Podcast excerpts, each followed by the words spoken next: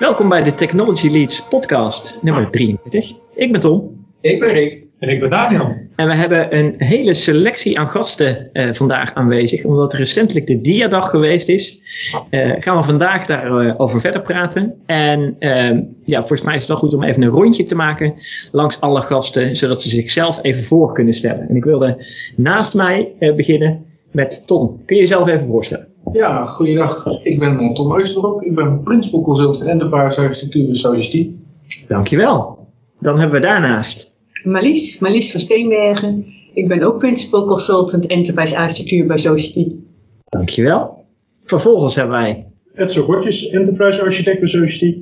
Dankjewel. En online, eh, want deze mensen zitten fysiek bij ons aan de tafel. Online hebben we dan nog... Hallo, ik ben Hans Nouwens. Ik ben ook Enterprise Architect bij Society. Dankjewel. Nou, mooi select gezelschap uh, die zich allemaal druk bezig hebben gehouden met uh, niet alleen de organisatie, maar ook de invulling van de Diadag. Uh, maar voordat we daar naartoe gaan, gaan we eerst even een tech nieuws item behandelen. en Tom had een leuk tech item, of eigenlijk meerdere zelfs, hè, een combinatie van tech nieuws meegenomen, waar we ons licht eens over kunnen laten schijnen. Nou, het gaat eigenlijk over de regelgeving, hoe regelgeving eigenlijk continu achterloopt bij, bij de ontwikkeling van technologie. Ik heb twee voorbeelden van. Enerzijds, uh, TikTok is natuurlijk heel erg in het nieuws. Uh, Trump die, die probeert TikTok te bewegen de boel te verkopen, dan wel te weren. En ik vraag me af of ja, Trump dat gaat redden of dat de technologie uiteindelijk gaat overwinnen. En een ander voorbeeld waar ook regelgeving tekort schiet, dat is de belastingwetgeving. Je merkt nog steeds dat ze enorm worstelen met belasting heffen op digitale diensten. En ze zijn opnieuw bezig in Brussel om een voorstel eh, voor te bereiden voor eh, de digitale tax. Hebben het dan over, eh, want digitale tax vind ik interessant hè. er is in het verleden is er natuurlijk een heel, volgens mij toen de mp3-spelers en zo allemaal in het leven kwamen, een, een belasting op digitale Volgens mij was het niet eens mediadragers, maar op uh, opslag, opslagcapaciteit van digitale, uh, van mediaspelers uh, was het volgens mij. Klopt, nee, op alles. Op CD-ROMs en op harde schijven. Ook waar je data kan opslaan, betaal je extra heffing over. Was het ook op losse harde schijven, ja. zonder een link? Ja, ja, ja, oké, oké.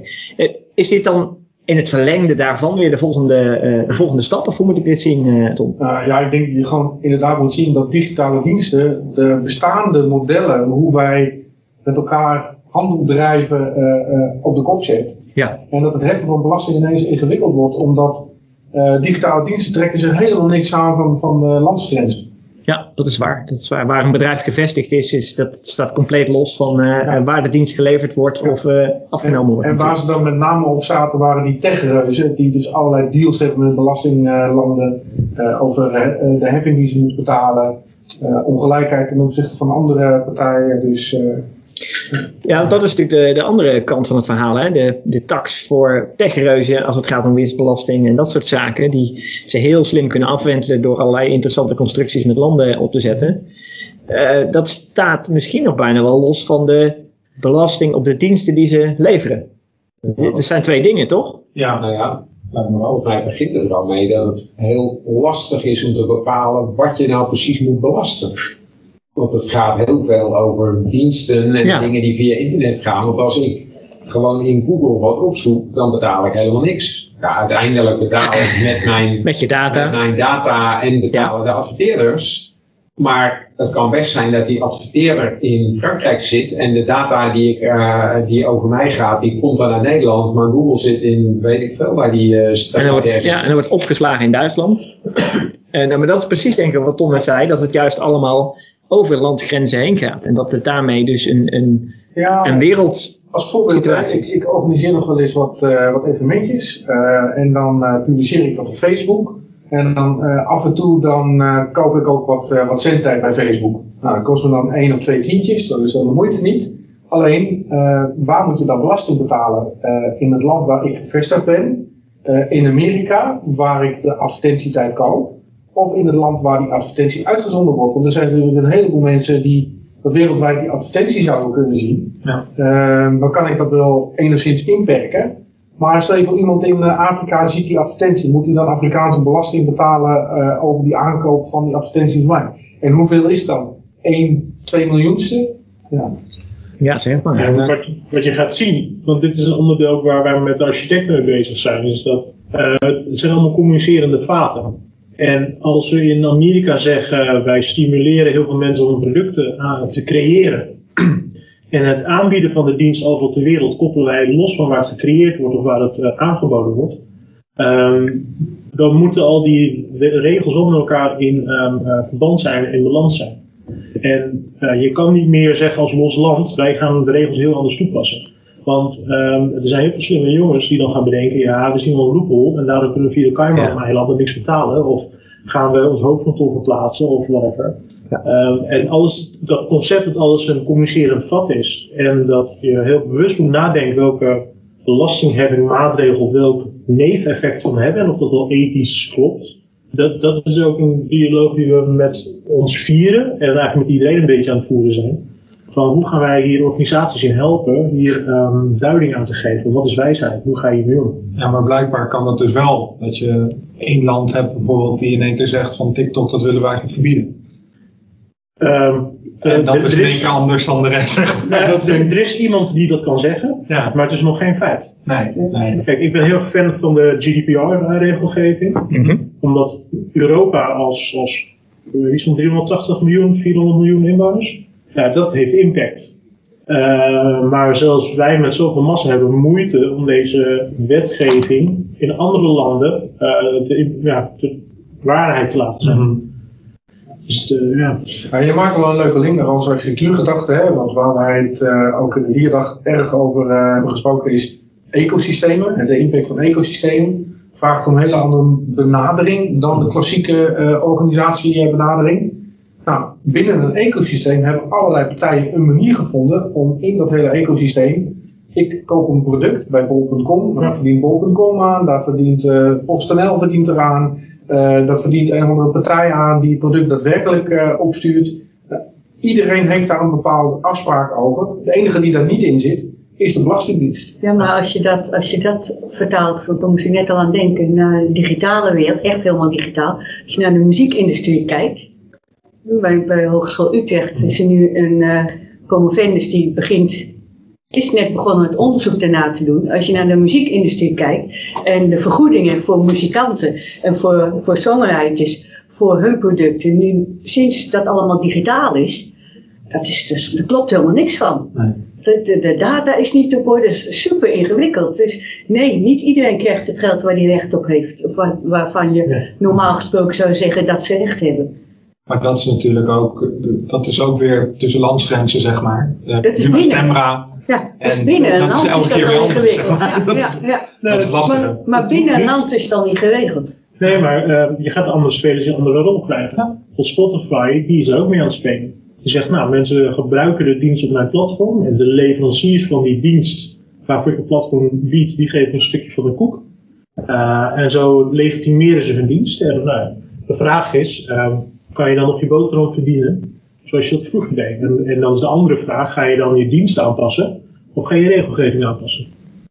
Ja, want de diensten die zullen alleen maar aangepast worden als degene die de dienst levert daar al dan niet beter van wordt of in ieder geval eh, zijn eigen idee over heeft laten schijnen. De Spotify's en de Apple Musics van deze wereld eh, zullen hun eigen deel van de koek altijd definiëren van tevoren. Ja, maar het is een balans tussen degene die de dienst afneemt, Ja. dus de luisteraars. Absoluut. Dus die hebben een, eh, een toegankelijkheid van de dienst nodig. Dus Dat Spotify en Apple Music moeten heel fijn zijn om te gebruiken. Ja. Maar voor de, de mensen die muziek maken, moet het ook fijn zijn om hun muziek erop te laten Ja. landen. Anders blijft die pool heel klein. Dan heb je geen product om te verkopen. Dus het is een en-en-en balans die je Dat is wel waar. Ja, ja, ja precies. Daar echt de balans in zien te vinden, dat is nog best wel een uitdaging voor dat soort bedrijven inderdaad. Het, wat ik nu wel interessant vind in deze hele discussie. Oh ja, Rick. Nou, nee, ik dacht, eh, volgens mij wil Hans wat zeggen, want Ah. die hebben we nog niet gehoord. Ja, Hans. Want, eh, eh, Je hebt hier vast ook wat gedacht over. Nee, niet echt, nee. nee. dat kan ook. dat is ook prima. Nee, waar ik heen wilde is dat we nu eigenlijk al eh, eh, vanuit dit nieuwsitem, of tenminste het nieuwsgedachte die speelt, eh, hebben we de economische aspecten zeg maar, van architectuur vooral breed gepakt, volgens mij. En volgens mij is juist de, de diadag is onder andere, er zitten economische aspecten natuurlijk ook in besloten, van een stuk enterprise architecture. Maar ook deze keer heel erg gebruikt om juist naar, de, naar andere waarden te gaan kijken. Hè? Dat is volgens mij een centraal thema geweest eh, daarin. Eh, wie mag ik het woord geven om daar even kort wat over neer te zetten? Ik zie Marlies daar eh, heel graag Ja. iets over wil zeggen. Ga je gang. Ja, precies. Nou, nou maar ook even het haakje naar de discussie die we net hadden over bijvoorbeeld die muziekindustrie. Mhm. Ja, dat is economisch, maar er zit een waarde achter en dat is rechtvaardigheid.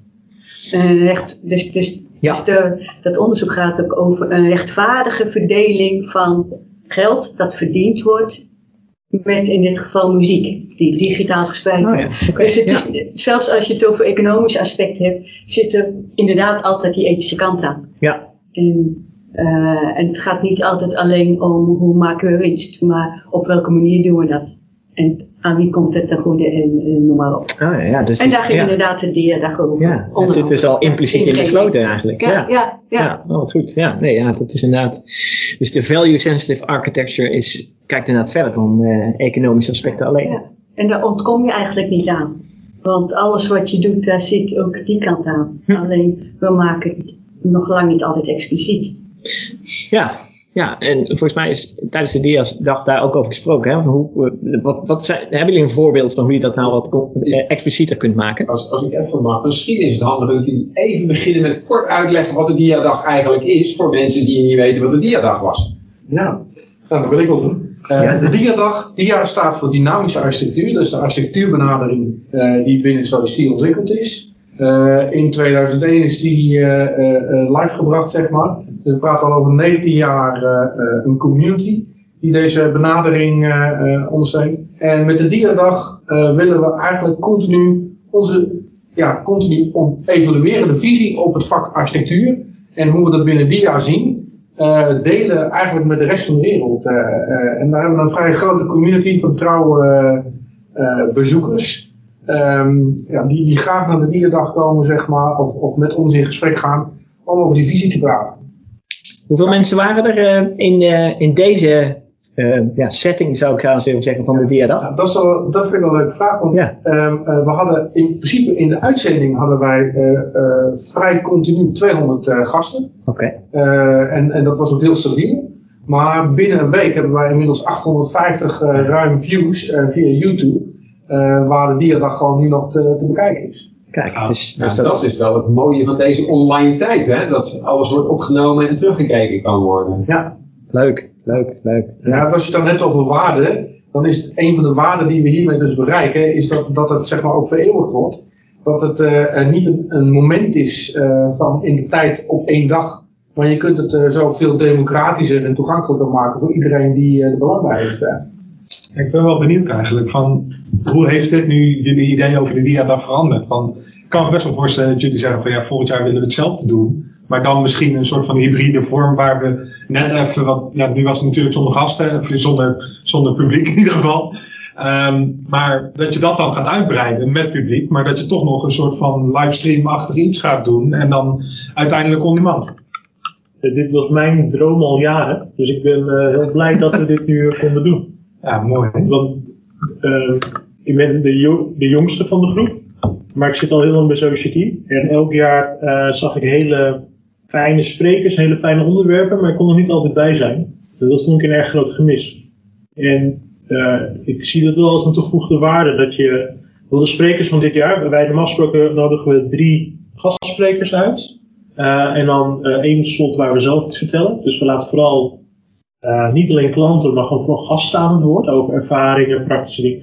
Er zitten zulke mooie verhalen tussen. En ook dit keer, dat, dat wat Olympia doet en wat de Madaster doet, dat is echt zo inspirerend. Eh, en nu kunnen we het gewoon terugkijken. Ook, nou, ik heb de eerste helft met mijn vrouw op de bank gewoon teruggekeken. En ik vond het allemaal heel leuk hoe eh, Erik vertelt over eh, hoe je komt tot zingeving. Dat rust belangrijk is en creativiteit belangrijk is om elkaar te vinden. Ja, dat, dat is gewoon machtig mooi. Dus voor mij is het eh, ehm, eh, hybride of niet, is the way to go. Maar, Het is, en het is denk ik niet, ook niet alleen het terugkijken, maar het is ook de, de diepgang. Je voert een gesprek. Want eh, voorheen hadden we het inderdaad over sprekers, gastsprekers. Nu hebben we het over gasten. Want het zijn geen sprekers meer die zenden 20 minuten, maar je hebt het gesprek. En ook aan het eind hadden we dus het gesprek met alle gasten. Ja. En dan zie je dat er een gesprek ontstaat dat was niet voorbereid. Er kwamen dingen naar boven waarvan ik dacht van ja, verrek, zo kun je er ook tegenaan kijken. Die ik nog niet eerder gehoord had. En dat vind ik wel het hele mooie van deze formule. Ja. Het is verrassend. Ja. Ook voor ons. Ja, wat leuk. Eigenlijk is het eh, zo'n beetje zoals wij hier nu ook om de tafel zitten. Hè? Eh, een podcast te maken. eh, is, is eenzelfde soort setting natuurlijk. Om eh, die discussie aan te zwengelen. En ja, in allerlei onderwerpen te belanden die je inderdaad van tevoren niet gescript hebt. Precies. Ja, dus ik kan me goed voorstellen dat het voor zo'n diadag ook heel goed eh, gewerkt heeft. inderdaad. Ja. Nou, wat, wat ik wel boeiend vond, hè, want eh, eh, ik ben niet een, een eh, hardcore architectuurvolger, zeg maar.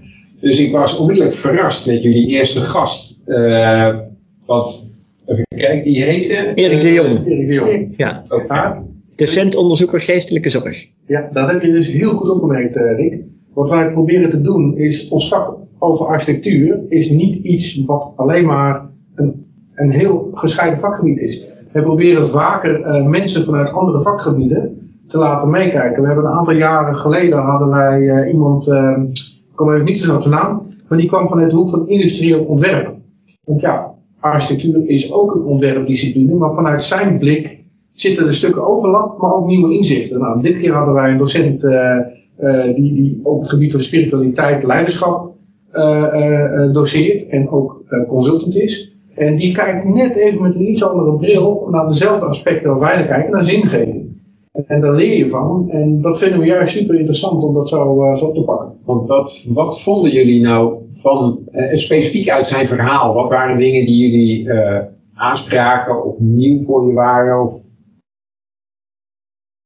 Ja, wat, wat, ja, ik pak hem even er, er vielen mij twee dingen heel erg op. Ehm, de, de mens centraal eigenlijk, hè, eh, even als eh, een groot begrip. Maar het gaat bij zingeving dus niet alleen maar over iets wat je bedenkt en op papier zit als bedrijf. Maar ook echt vanuit wat je van, als mens drijft. Dus ieder individu in een organisatie heeft bepaalde eh, levensbeschouwing en wat je wilt betekenen. En dat je juist die, vanuit die betekenis ook op een, op een organisatieniveau boven tafel moet zien te krijgen. Dat je daar dus van de individuen afhankelijk bent, maar ook als groep. Nou, dat was één aspect. En het andere aspect wat ik interessant vond, dat waren de twee sociologische paradigma's die Erik aanhaalde. De verschuiving van functionalistisch paradigma naar het interpretatieve paradigma. Daar herkenden wij een beweging in, die wij ook zien, die voor sensemaking architecture, zoals wij het noemen, eh, een ander soort gedrag en een ander soort houding vergt van architectuur, die, die eigenlijk bevestigd worden in die al langer bestaande paradigma's. Misschien moet je die paradigma's nog even toelichten, denk ik. Ja, nou ja, het functionalisme. Tenminste voor mij hoor, in Ja, ieder geval. ik zal het heel kort toelichten, want het, Ja. is, het is voor ons ook een nieuwe input die wij nog moeten verkennen en moeten verwerken. Ja. Maar het functionalistisch paradigma is echt het managementparadigma van resultaatgericht, doelmatige dingen doen, eh, heel ordelijk ehm, en heel objectief. Eh, het interpretatieve paradigma gaat over betrokkenheid.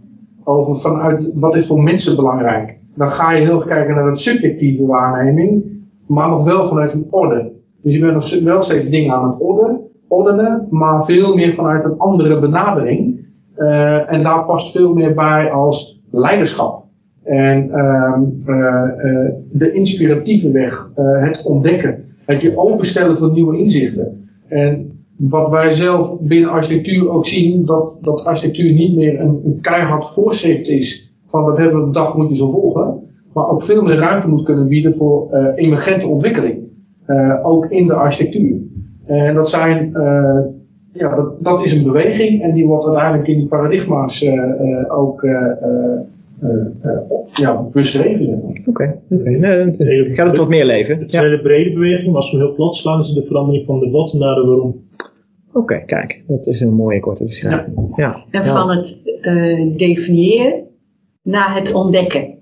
Dat vond ik ook een mooie eh, van, van het verhaal van Erik. Die, nee, het kwam in de discussie op het eind kwam dat Ja. heel duidelijk naar voren. Eh, het ging over, over purpose van organisaties, de zin, zingeving. En iemand, ik weet niet meer wie, maakte een soort van opmerking van, nou, dan formuleer je dat of dan bedenk je de purpose van je organisatie dus. Waarop terecht werd gezegd, nee, die purpose die bedenk je niet, die ontdek je. Die is er, kun je, je gaat dat niet even bedenken. We denken al gauw aan een missie. Nou, dan zitten we een paar dagen op de high missie statement te verzinnen. Maar dat is niet je purpose. Je purpose, purpose komt uit de organisatie. Je kunt niet bedenken vanaf nu is dit onze purpose. Net zoals je niet kunt bedenken vanaf nu is dit onze cultuur. Ja. En, en dat, dat is een, ook een, denk, een manier van denken die we ook in architectuur moeten gaan toepassen. En het is heel breed, want iedereen herkent het wel van het agile werken, eh, emergentie, innovatie, eh, autonomiteit, dus Daniel Pink. Eh, mensen die enterprise engineering doen, kennen de verschillen tussen het functionele en de constructie. We, we, we zien, herkennen overal dezelfde patronen. En de uitdaging bij onze groep is nu om te kijken, zijn het dezelfde patronen? Zo moeten we het over hebben. Maar ook, ehm, als we dan naar een organisatie gaan die bewust een organisatie ontwerpen, dus niet een kleine start-up die losgaat en maar wat doet, maar echt eh, eh, eh, bewust organisatieontwerp toepassen. Eh, hoe, hoe geven we dit handen en voeten? Want we weten zo langzamerhand allemaal dat dit belangrijk is, eh, maar hoe dan? Eh, en dat is een enorme uitdaging. Ja, Oké. Misschien mag ik toevoegen eh, iets. Eh, wat ik heel mooi vond in die discussie is dat eh, er ook gesproken werd over bepaalde woorden een bepaalde betekenis geven. In zo'n missie en visie en de, dus je betekenis voor je organisatie, eh, introduceer je woorden ehm, die ineens, omdat je ze gezamenlijk gebruikt, een betekenis krijgen. Dat vond ik heel sterk, zoals die, eh, het statement van Madaster. Wat was het? Ehm, eh, een materiaal is niet een, eh, een afvalstof, maar een, een gebouw is een materiaaldepot. Dat is een heel, heel kort statement, wat zo sterk is. En daardoor krijgt in één klein zinnetje die hele organisatie eigenlijk meteen zijn, zijn borging in zijn betekenis. Eh vond ik erg sterk. Ja, en, en, en dan ga je ook anders tegen de wereld aankijken. Ja. Want denk maar even na, als je in een gebouw denkt als een eh, materiaaldepot, heb je het opeens over heel andere kenmerken. Ga je over heel andere dingen nadenken dan wanneer je het als een gebouw zou zien. Dus je, je gaat echt andere dingen anders kijken, anders eh, doen, ook als het goed is. Anders architectureren. Eh, gewoon dat je een ander woordje gebruikt voor hetzelfde ding. Dat is echt briljant. Ja. Ja, want dat, dat verhaal van Madaster, e- even voor de luisteraars, eh, wie, wie van jullie kan even toelichten wat die eh, Jeroen van Madaster, eh, wat hun idee en hun visie is? Ja, ehm, het kadaster is heel kort gezegd het kadaster van materialen. Eh, hun, hun drijfveer ligt in de circulaire economie. En ze hebben zich laten inspireren op een gegeven moment door een boek van, volgens mij Thomas Rauch, of Rauw, waarin beschreven wordt dat een gebouw een bestemming heeft, niet alleen om te gebruiken, maar ook na die tijd, dat alle materialen in het gebouw eh, her- makkelijk hergebruikt kunnen worden, waarmee je het gebouw dus veel meer waarde geeft dan alleen maar eh, eh, de waarde op basis van het gebruik. En je daarmee dus een bijdrage levert aan die circulaire economie. Eh, grondstoffen raken op, eh, de, de, de virgin grondstoffen, dus daar moeten we zuinig op zijn. En zo willen zij een stukje invulling geven aan het rentmeesterschap op deze aarde, zoals ze dat zelf beschrijven. En het hele aardige trouwens wel, qua architectuur, hebben ze dus eh, daar bewuste keuzes in gemaakt. Want hoe ga je dat doen? Want je zou kunnen zeggen, wij kopen die gebouwen op en gaan die grondstoffen eh, eruit halen en verhandelen. Ze hebben gezegd, nee, wij willen een platform zijn waarin eigenlijk vraag en aanbod van die materialen eh, transparant en inzichtelijk wordt. Ehm, dus zij zijn een platform waar eigenaren van gebouwen het gebouw in kunnen registreren. Op basis van hoe de bouwsector werkt met het eh, informatiemodel, het BIM van de bouw, eh, informatiemodel van de bouwsector, kunnen zij dus eh, vanuit het ontwerp alle materialen daar goed in vastleggen. Dat bepaalt ook de kwaliteit van de data. Ehm, en kunnen eigenaren van het gebouw die data dus op verschillende manieren gebruiken. Bij de sloop, maar ook misschien wel bij de waardering van het gebouw als het gaat om vastgoedwaardering. Ja, oké. Dan, dan krijg je al een extra functie die wat minder met die circulaire economie te maken heeft, maar die op een andere manier kijkt naar wat is zo'n gebouw nou waard voor ja, deze aardbol, zeg maar. Maar, maar het meeste toepassing van hun systeem is toch als het moment komt dat het gebouw gesloopt gaat worden. En dat er dan niet zomaar alles wordt afgevoerd, maar dat ze eerst gaan kijken van wat hebben we er nog aan. Ja, maar, ja, daarvoor. ja, daarvoor. Ik, weet, je, ik zit hem juist in het voortraject. Je, eh, in de keuze van je architectuur, in dit geval, tenminste dat is mijn vertaling daar dan van, eh, zit dus besloten hoe je achteraf die eh, eh, ehm, eh, weet het, eh, ehm, eh, opdeling gaat doen naar de materialen die erin zitten. En dat is een leuk voorbeeld, want in het filmpje van Belaster, wat ook in die diadagopname eh, terug te vinden is, en wat Hans zei over betekenis geven, ze hebben het ook niet meer over nadenken, maar over voordenken.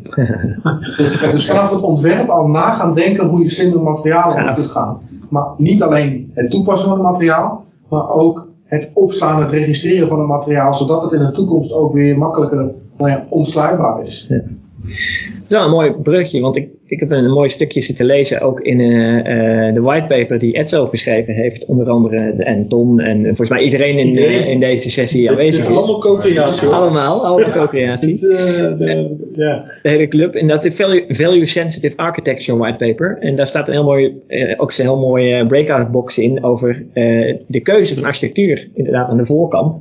Zodat je eh, eh, van tevoren weet wat je je kunt permitteren gedurende eh, ja, het maken van dat gebouw en het eh, eh, weer afvoeren van nou, een gebouw waar we het net over hadden. Maar het kan natuurlijk van alles zijn. Het kan een applicatie zijn, het kan een auto zijn, het kan eh, wat mij betreft eh, elk product zijn eh, wat je daar kiest. Ehm, en ik vond dat wel leuk, eh, jullie benoemden daarin ook het stukje nudging. En, eh, maar misschien kun je het dan even een beetje toelichten, want ik vond het wel zo'n gaaf stuk. Ik denk, ja, dat, dat, daar zou ik hier heel, heel graag wat meer over willen horen. Eh, ja, nudging, dat is, ehm, wat, wat nudging is, is dat je mensen probeert te verleiden om bepaald gedrag te vertonen, maar ze niet dwingt of zo. Dus mensen hebben nog steeds eh, alle mogelijkheden om ander gedrag te vertonen, maar je probeert ze echt te verleiden. Ja. En een simpel voorbeeld, een bekend voorbeeld van nudging, is bijvoorbeeld op een gegeven moment, hè, dat weet iedereen, bij de kassa's van de supermarkten worden de chocoladerepen vervangen door appels. Eh, of als je in een, in een bedrijfsrestaurant bent om de gezonde spullen eh, voor het grijpen neer te zetten en de ongezonde spullen verder weg. Dus de luie mensen pakken gewoon de gezonde spullen. Ehm, dat, dat is nudging in zijn algemeenheid. Mhm. Dan kun je op heel veel manieren kun je, kun je dat doen. Als je wilt mensen stimuleren om de trap te nemen in plaats van de lift, dan maak je het leuk om de trap te nemen. En dan bouw je een muzikale trap of weet ik veel wat. Het zijn allemaal, je kunt nog even hard naar die lift lopen, niemand die je dwingt, maar je gaat een bepaald gedrag doen, een bepaald gewen, wat iemand dan gewenst gedrag noemt, ga je, dat, dat, dat vertoon je omdat het makkelijker is, of leuker, of goedkoper, of wat dan ook. Het zit dus meteen ook een keerzijde aan van manipulatie Ja, en patriarchaal gedrag, Mhm. als de overheid het gaat doen, nou, daar, dan kom je meteen ook op ethische discussies. Daar zijn gewoon discussies over. Mhm. Is dat dan toegestaan? Want het is voor het beste van de mensen. Ja, wie bepaalt wat het beste voor Dus er zitten heel, eh, heel veel kanten aan. Ja. En dat doe je dus ook in je architectuur. Ook, ook zonder dat je er eh, bewust van bent. Want alles wat je, technologie is nu niet neutraal, dat weten we allemaal. Dus alles wat je in, of in architectuur of in ontwerp stopt, nudgt mensen een bepaalde kant op en van een bepaalde kant af. Een default is ook een vorm van nudging. Ik ben gemakzuchtig. Als ik een pakket aanschaf, installeer, neem ik als het even kan gewoon de default. Ik denk, ja, ik ben voor dit een gemiddelde gebruiker. Default zal wel goed voor mij zijn. Dat is nudging. Terwijl default waarschijnlijk goed is voor de leverancier en helemaal niet voor mij. Maar, ik- dus je, je, je nudgt eigenlijk altijd. Het is dus ook niet fout of goed, maar er zitten wel allerlei kanten aan. En daar moet je over nadenken. Dat is de boodschap. Mhm. Wees ervan bewust. En ga dan ook bewust een bepaalde kant wel of niet op nudgen. Maar dit voor ons architecten heel belangrijk. En of we nou enterprise architect zijn voor de hele organisatie of architecten die zich beperken tot IT. ehm, de wereld gaat, in ieder geval in Nederland, steeds meer naar een agile organisatie en autonome teams. En autonome teams betekent ook dat teams, ongeacht hoe je dat definieert, ehm, zelf keuzes gaan maken. En je hebt een spanningsveld. De klassieke architectuur zei je moet dit doen. Eh, en dat zit op een spanningsveld met agile. En er zit op een spanningsveld met autonomie. En er zit op een spanningsveld met innovatie het anders doen. En DIA was al de architectuurvisie die zegt je moet in dialoog gaan. En je kan soms afwijken van de regel omdat je wil innoveren proberen. Eh, en, en dit is eigenlijk een stap verder. We zeggen van ehm, eigenlijk moeten we als architecten de skillset hebben om waarvan wij denken dat levert de meeste waarde op, ethisch of goal purpose, uh, dat het aantrekkelijker is om die kant op te gaan, te nudgen, te laten zien dat het waarde heeft. En dan ga je op een hele andere manier je architectuur uh, ontwerpen en ook niet uh, voorschrijven, maar um, mogelijkheden creëren, waardoor teams die mogelijkheden kunnen gaan benutten. Uh, en dat vergt een hele andere manier van denken. En, en dat, daar zijn we nu met z'n allen heel druk mee bezig om dat op papier te krijgen. Uh, om het erover te hebben, maar ook het handen en voeten te geven dat we mensen daar vaardiger in kunnen maken. Ja, dat is wel echt super interessant. Want nudging zelf, zeg maar, met gedragsverandering, je noemde net al even de overheid. Nou ja, daar, daar ken ik het van. Want bijvoorbeeld als je kijkt naar Bob Jij Bob Ik, dat soort campagnes, sierencampagnes, dat soort dingen. Wij zien dat heel erg. En binnen ja, softwarearchitectuur en dergelijke is dat natuurlijk, ja, dat, dat heb ik nog nooit gezien eigenlijk. Dat ze daar heel erg op uh, ja, nudgen dan wat over hebben. Let, let maar eens op. Ja. Het, is, het gebeurt continu. Ja. En niet altijd, zoals ik zei, bewust, maar het gebeurt wel continu. Ja. Want het kan niet anders. Mm -hmm. Een ontwerp, een softwareontwerp of ander ontwerp, uh, leidt tot bepaald gedrag. Ja. Ja. Een brede deur kun je makkelijker doorheen dan een nauwe deur. Dus, dus Ja. waarom die ook zo ontworpen is, het geeft altijd bepaalde consequenties. En een, voor, een simpel voorbeeldje, kijk maar naar de cookie-instellingen. Ja. Ik uh, probeer toch altijd de cookie-voorkeuren aan te passen. Bedrijven die, die echt geld verdienen met mijn data, hebben uh, uh, één knop, accepteer alle, voor, alle instellingen. En er zit er ergens een heel, heel klein tekstje, sla, de, sla deze voorkeuren op. Terwijl bedrijven die uh, uh, uh, zeg maar niet zozeer op de data zitten, maar mij willen laten een keuze geven, die er zit één oké-knop en een reeks instellingen en ik kan gewoon heel goed overzichtelijk zien waar ik oké op geef. En dat is een hele andere benadering. Eén knop waarmee je gewoon alles accepteert versus een knop waarmee ik de instellingen accepteer. Ik zat ook gelijk te denken aan uh, de security wereld, uh, zeg maar. Als je het niet alleen hebt over IT security, maar ook over OT security. Alle uh, IoT devices, routers die we ons huis binnenkrijgen, alle andere devices, slimme lampen tot speakers en zo. Waarin die helemaal vol gestopt zitten met default settings. Hè, als we het hebben over default settings. hoe mooi zou het zijn als je daar nudging nou eens effectief inzet. Uh, om de boel een beetje veiliger te maken uh, en, en uh, ja, daar de gebruiker de juiste dingen te laten doen. Want uiteindelijk is, is, het zwakste punt de gebruiker. volgens mij mag die wat meer genudged worden op dat vlak dan, dat die nu in beweging gezet wordt. Ja. ja, en, het, en het blijft nudging dan, hè? Ja. Dus als iemand bewust wat anders wil, kan het altijd. Dat is de Exact. kern van nudging. Het is geen dwingen. Je hebt altijd de keus. Ja. Maar je pakt de meest voor de hand liggende of de makkelijkste. En dat is dan hopelijk degene die ook het best voor je is. Dat, dat zou, je, dat zou ethisch nutje zijn. Oh ja, oh wauw. Ja. Je kunt ook economisch nutje. Ja. En dan nutje richting wat het meeste geld oplevert. Zoals in-app purchases en zo. Dat soort dingen uh, met name. Ja, in allerlei games en zo. Exact. Maar misschien is dat ook wel een van de belangrijke, waar sta je voor? Een van de belangrijke waarden, waar sta je voor als specialist? In dit geval dan als architect. Als jij dat security systeem moet ontwerpen, dat je zegt van, ik heb een kennisvoorsprong, ik weet uh, uh, uh, wat bepaalde instellingen doen, dus ik, ik snap ook dat de gebruiker dat niet weet, maar ik ga hem niet iets opleggen, maar ik ga wel helpen na te gaan, na te denken over in ieder geval belangrijke instellingen. Ja, en daarmee kun je de waarde, een, een veilig product, tussen aanhalingstekens, mee adverteren en aan, uh, op de markt brengen. Klopt, en dat maakt dus jou als security ontwerper of, of, of interface ontwerper dus niet degene die sec een mooie interface kan, kan bouwen, mm -hmm. maar die ook nadenkt over de consequenties van wat het product doet bij de eindgebruiker. En, en wat jij nu zegt is denk ik ook, volgens mij was het ook een boodschap van uh, Olympia, Rogier. Um, ethisch handelen is, uh, moet je niet stellen tegenover economisch handelen. Uh, ethisch handelen is, is ook goed vanuit economisch organisatieperspectief. En daar ben ik ook wel van overtuigd. Dat onethisch handelen, dat, ga, dat gaat ze gewoon tegen je keren. Ja, daar ben ik van overtuigd. We worden steeds bewuster met ons allen. Dat pikken we gewoon als maatschappij niet meer. Ze houden heel duidelijk twee, twee uh, uitgangspunten, purpose en profit. En die moeten in balans blijven met elkaar. Ja, want wat mij een beetje bijbleef van het verhaal van Rogier, van Olympia, dat, dat uh, ging er eigenlijk om dat mensen moeten doen wat ze leuk vinden en dat je ze daarbij moet helpen. En daar kun je trouwens misschien ook wel weer nudging uh, in uh, toepassen. Maar, uh, maar, maar wat mij vooral verraste daar is de, de cijfers waar hij mee kwam van hoeveel mensen blijkbaar niet de dingen doen die ze leuk vinden. Weet je, ik weet die cijfers niet meer precies, maar dat was verontrustend veel.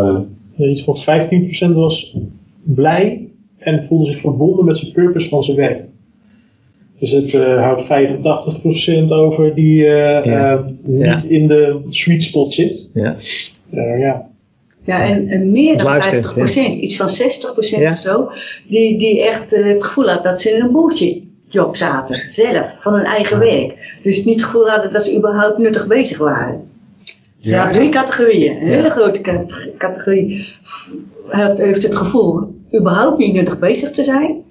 Een kleine groep zit in een soort van flow, echte verbondenheid en, en, en een bloedje helemaal op even in mijn woorden. En er zit toch een klein groepje tussenin die het wel naar zijn zin heeft en gevoel heeft nuttig bezig te zijn, maar dan niet die top uh, flow haalt. Maar meer dan de helft die voelt dat hij een boel, dat is, dat is verontrustend. Ja. En wat, wat, ik, wat ik leuk vond in dat verhaal is, oh Hans, jij wil reageren? Ja, ja, er zat nog een, een dimensie in die cijfers. Dat ging over de effectiviteit van de medewerkers. Ja. Als je dus uh, zelf voelt dat je niet uh, zinvol bezig bent, dan was je effectiviteit, geloof ik, en hij gebruikte uh, zeg maar 100%. Uh, als je een beetje dat vond, dan zat je op 150. En anders, ik heb 250 of weet ik wel, een of ander gigantisch hoog getal. Als je echt gedreven was in je baan. En dan, dan was je gewoon veel effectiever. En daar zit dus de link met de economische aspecten. Ja. ja. ja. Dit gaat een grote uitdaging zijn, ook de komende jaren. Um, wij zijn allemaal opgevoed op de universiteit en op school en in de bedrijven waar wij onze carrières maken, om reductionistisch naar de wereld te kijken. Dus wij zijn gewend om te kijken, wat is het processchema, um, teken een lijntje in een vierkantje, gebruik een spreadsheet om elkaar KPI in te zetten en dan gaan we ergens een threshold zetten die rood is en die groen is. Uh, we kijken SEC alleen maar naar uh, een bepaald getal, een bepaalde invloed. Uh, zoals Olympia zei, voorheen keek alleen maar naar cv's. Wat heb jij eerst gedaan? Oh, je hebt twee jaar callcenter ervaring, dan stuur je naar een callcenter. En dat heeft Olympia dus omgedraaid en gezegd, nee, we gaan kijken wat jouw betekenis geeft. Waar sta je voor op? Um, en hij, hun stelling is dat ze daar dus veel meer um, profit mee kunnen maken, maar ook veel meer purpose kunnen krijgen. En mensen dus ook tot inzicht brengen in een gesprek van waar ze eigenlijk uh, gelukkiger van worden en carrière switches uh, initiëren. Ja. En ik merkte we mensen die, uh, de, de, die het hebben bekeken en daarop reflecteerden, dat ze dat voorbeeld wat Rogier gaf, als ze dat zichzelf gingen inleven, wat dat met hun zou doen als iemand aan hun zou vragen, wat wil jij doen? dat er heel veel emotie vrij kwam. En dat ze um, um, anders gingen reflecteren van waar ben ik eigenlijk mee bezig de afgelopen jaren. En dat is een, gelukkig ook een beweging die veel breder in Nederland is.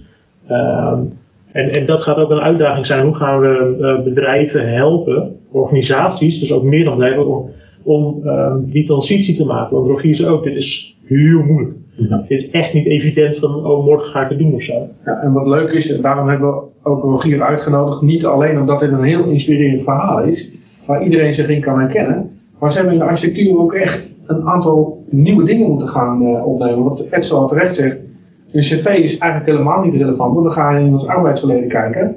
Zij gaan het cv vervangen door het schrijven van een persoonlijke betekenis.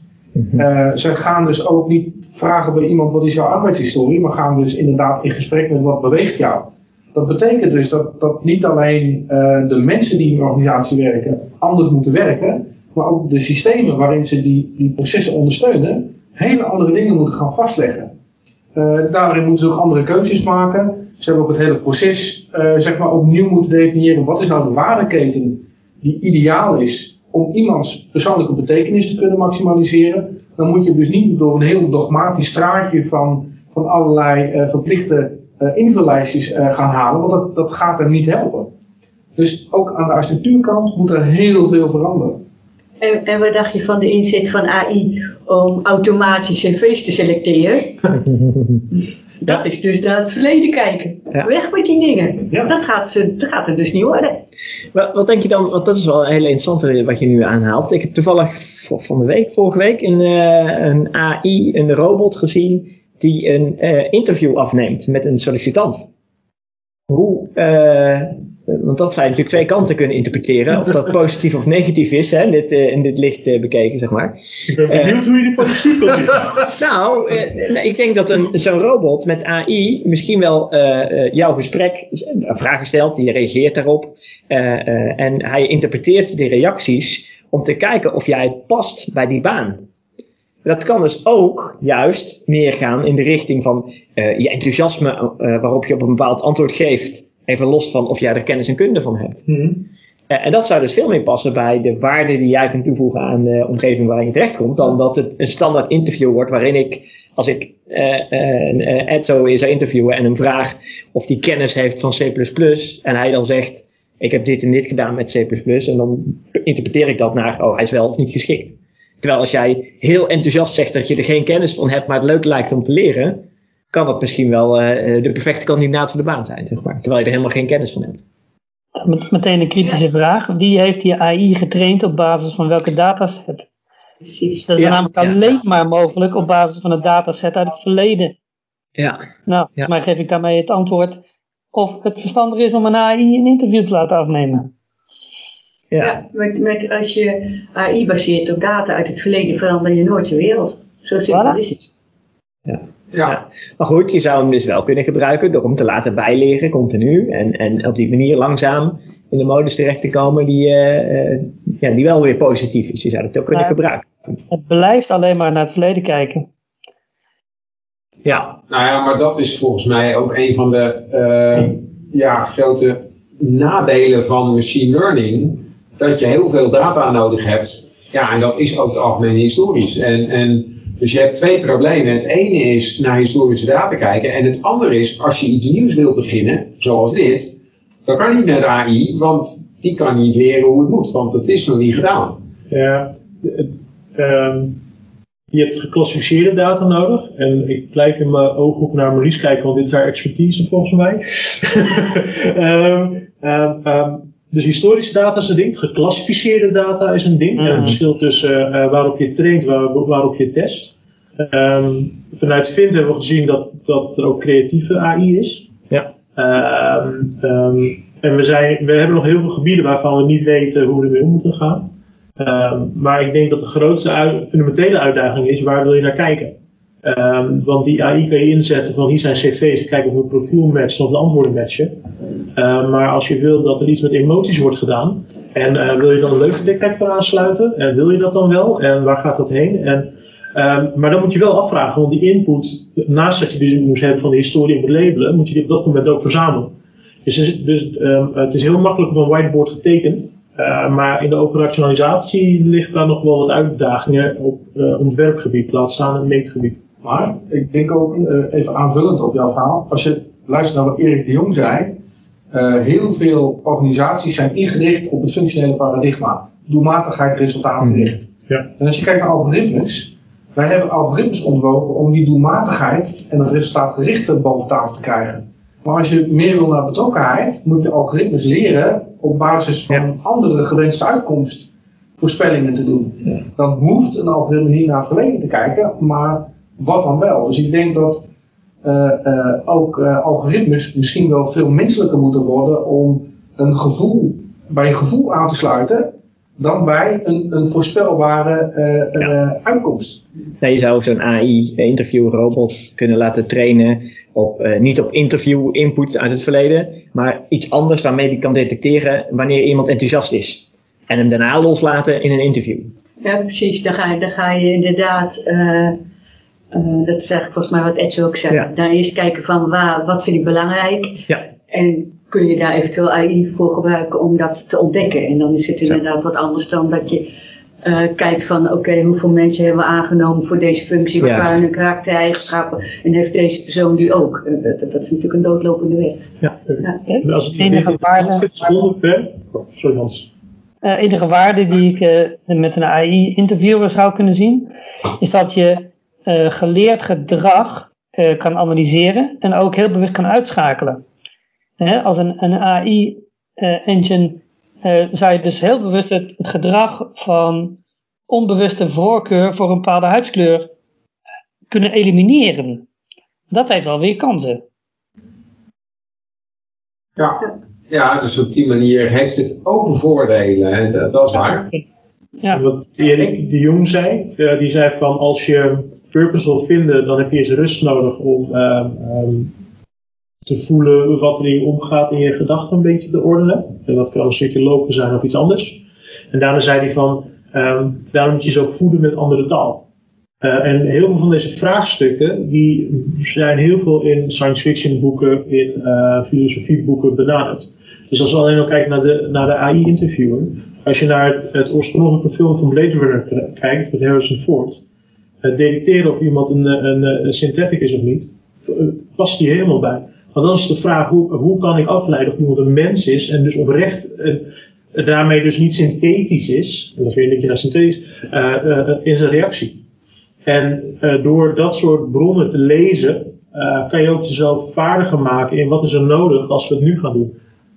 Want het inspireert weer in um, welke woorden je moet gebruiken, welke hulpmiddelen er zijn. En ben je niet meer beperkt tot je lijntje in je vierkantje op je whiteboard. Ja. Goed punt. Goed punt.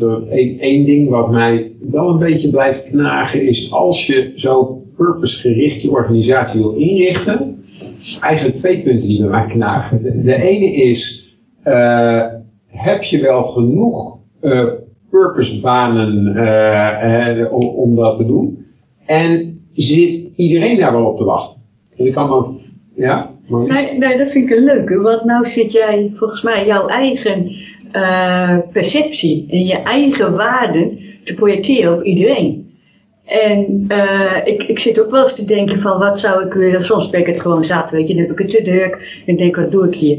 En dan, zit ik, dan denk ik, oh ik wou dat ik wat anders, andere baan had. En wat is dan mijn ideale baan? Verkopen in een boekhandel. Ik ben dol op lezen, dan zit ik de hele dag tussen die boeken en dan kan ik iedereen die binnenkomt zeggen, je moet echt dit boek wel lezen hoor. Want dat heb ik ook wel een beetje in me. Dat lijkt, dat, dat lijkt me heerlijk. Uh, er, zijn, er zijn ook mensen die vinden het heerlijk in de buitenlucht te zijn. Dus ik denk dat uh, het gaat om te ontdekken wat je wilt. En zonder daar een norm aan op te leggen.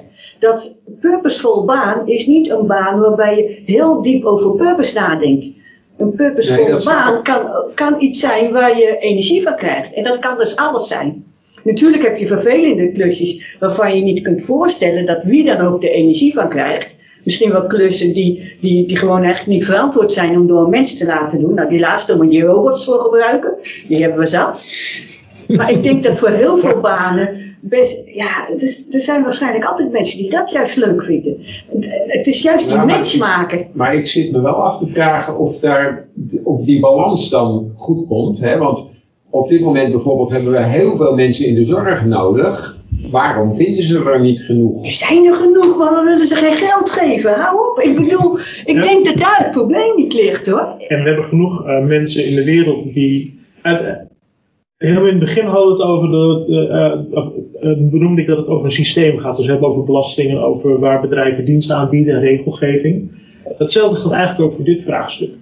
Uiteindelijk ook in de wereld hebben we genoeg geld, genoeg eten en genoeg mensen.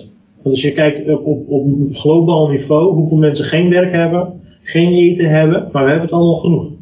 Het gaat altijd over distributie, het gaat altijd over dingen met elkaar in contact brengen. Dus ik, mijn reflectie op jouw vraag is, hè, vanuit mijn perspectief is, um, hoe kunnen we ervoor zorgen dat genoeg mensen de kans krijgen om het werk te doen waar, wat bij hun purpose past? En uh, niet de vraag of er überhaupt genoeg purposeful werk is. En dan, dan kun je gaan kijken, oké, okay, eventueel van wat mist er dan nog. Maar dan gaan we onze samenleving zo op modelleren dat dat toch goed komt. Ik denk dat dat wel kan. Ik geloof, ik geloof inderdaad met Edso. Dus ik denk dat jij het ook gelooft. Dat dat, dat, dat, dat wel goed komt. Ja, als we op die manier gaan. Architectuur van je samenleving aanpast. Dan, ja. dan kun, je de, kun je de juiste invulling daarbij bij, ja, bij maken. En dat doen wij dagelijks met nieuwe wet en regelgeving. Ja. De GDPR is een voorbeeld, maar we zijn elke dag nieuwe wetten aan het bedenken. En elke dag zijn we nieuwe wetten aan het doorvoeren. En elke dag zijn we de intentie ook om wetten af te voeren. Ja, wordt dat wat minder ja. fanatiek. Ja. En, en natuurlijk gaat dat breken. Ja. Uh, maar ook als we weer uitzoomen, eens in de zoveel tijd, dan gaat er een land weg, komt er een land bij. Uh, ja. Bedenken we strafhof, doen we strafhof minder. We zijn non-stop in beweging. Dus dat, dat is echt wel mogelijk om dat te veranderen. Ja, en dat sluit dus ook weer aan waarmee we begonnen, dat de wet en regelgeving voor digitale diensten en digitale producten, eh, dat dat juist nu eh, eh, enorm in de stijger staat en, goed ingevuld moet gaan worden om ja, een beetje de toekomstbestendige oplossing te creëren. Oké. Ik voelde ze een beetje naar het eind gaan. En daar speelde ik het eind van de diadag er nog even bij Oké. pakken. Want eh Menno van Doorn die deed daar een column aan het eind. En wat ik wel geniaal vond, en dat heb je natuurlijk wel vaker met Menno, dat hij gewoon alles eens even om ging draaien. Dus wat had hij? Hij had eh, eh, niet de zinvol, maar de waanzinvol of zoiets. En, Een waanzinnige op- column. Hoe kwam dat op jullie over? Nou, Tom, kun je even reproduceren wat Menno gezegd heeft? Nee, het is bijna onmogelijk om dat nu te reproduceren. Dat moet iedereen maar terugkijken. Hè? Dat, kun- dat kan iedereen mooi terugkijken nu. Hè? Ja, Dus, dus dat is heel mooi. maar ja, en dat, Ja. dat is zelfs sterker dan de tekst alleen maar eh, hebben. ook echt zijn, zijn, zijn, zijn verhaal Ja. eh, pakken. Eh, ik denk dat het een hele goede manier is om eh, de zingeving van dingen te gaan ontdekken. Door ook de, van zelf een- van een afstandje te gaan kijken. En niet alleen maar naar het mogelijke, maar naar het, ook het onmogelijke van een bepaald idee eh, te kijken. En eh, alleen dan kom je eigenlijk tegen wat de begrenzing is van het idee wat in je hoofd zat. En eh, ik denk dat dat een manier is van wat Erik de Jong, en dan heb je het begin van de dierdag, je moet jezelf ook durven openstellen om nieuwe inzichten op te doen. Ja, maar op, op dat terrein had Menno dan ook wel een leuke, want die had het op een gegeven moment over het kadaster van de waanzin. En dan kwam je in de hoek van de complottheorieën. Ja. En, en toen eh, had ik wel zoiets van, nou, wel heel leuk, maar volgens mij raak ik hem wel een beetje kwijt. Het is toch heel handig op zich. Ik bedoel, de, één, je brengt mensen met dezelfde beelden bij elkaar. En dat, ik denk dat dat een goed iets is in de wereld. Dat je eh, medestanders vindt, want dat zijn sociale wezens. Je bent niet meer alleen die denkt dat de aarde plat is, maar jullie zijn samen. En volgens mij is dat veel meer sociaal iets dan een subjectief, of, eh, dan een rationeel ge- gebeuren.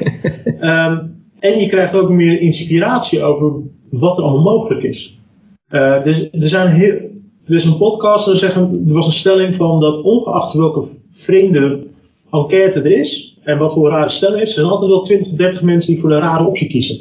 Dus je denkt, oh, eh, dat kan echt nooit iemand vinden. Er is altijd 20% die erop klikt. Ehm, eh, en ik denk dat zo'n register je openstelt voor wat, waar mensen ook naar denken en naar denken. En dat dat er dus ook is. En dat trekt dus jouw ju- judgmental view on the world, die neemt een stapje terug. En dat openstellen voor wat anderen, er zit altijd wel ergens een kern van waarheid in. Ja, en, en zelfs die complottheorieën, hè, even los of, of je dan op zoek bent naar een kern van waarheid. Het feit dat een complottheorie tegen jou bedacht wordt, eh, moet voor jezelf een signaal zijn, denk ik, dat op een of andere manier niet voldoende transparantie is gegeven. eh, dat, er, dat er bij het publiek een bepaalde onrust is over het effect van, van wat jij met wet en of, of waar je dan mee bezig bent, ehm eh, teweeg brengt. Waar je, dat, waar je dus niet op moet antwoorden van die complottheorie-denkers zijn gek. Maar waar je dus over na moet denken van, maar wat is nou de behoefte die die groep heeft? Eh, welke behoefte heeft de samenleving nodig om dit soort complotten, niet met dit soort waanzin-ideeën te komen, maar om, om juist om die zingeving ook te kunnen accepteren. Ja, het is de juiste data ontsluiten waarmee je de waanzin omdraait naar zin. Ja. Oké. Mooi. Nou, Een dat, mooie conclusie, eh, Tom. en dat lijkt mij ook inderdaad. Dat lijkt me een hele mooie conclusie van, eh, nou, misschien wel de diadag, maar in ieder geval van deze podcast. Eh, ik wil alle gasten heel hartelijk bedanken om aanwezig te zijn in onze podcast.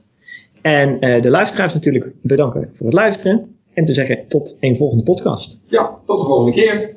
Dankjewel voor de uitnodiging. Ja. Doei doei. Hoi. Hoi.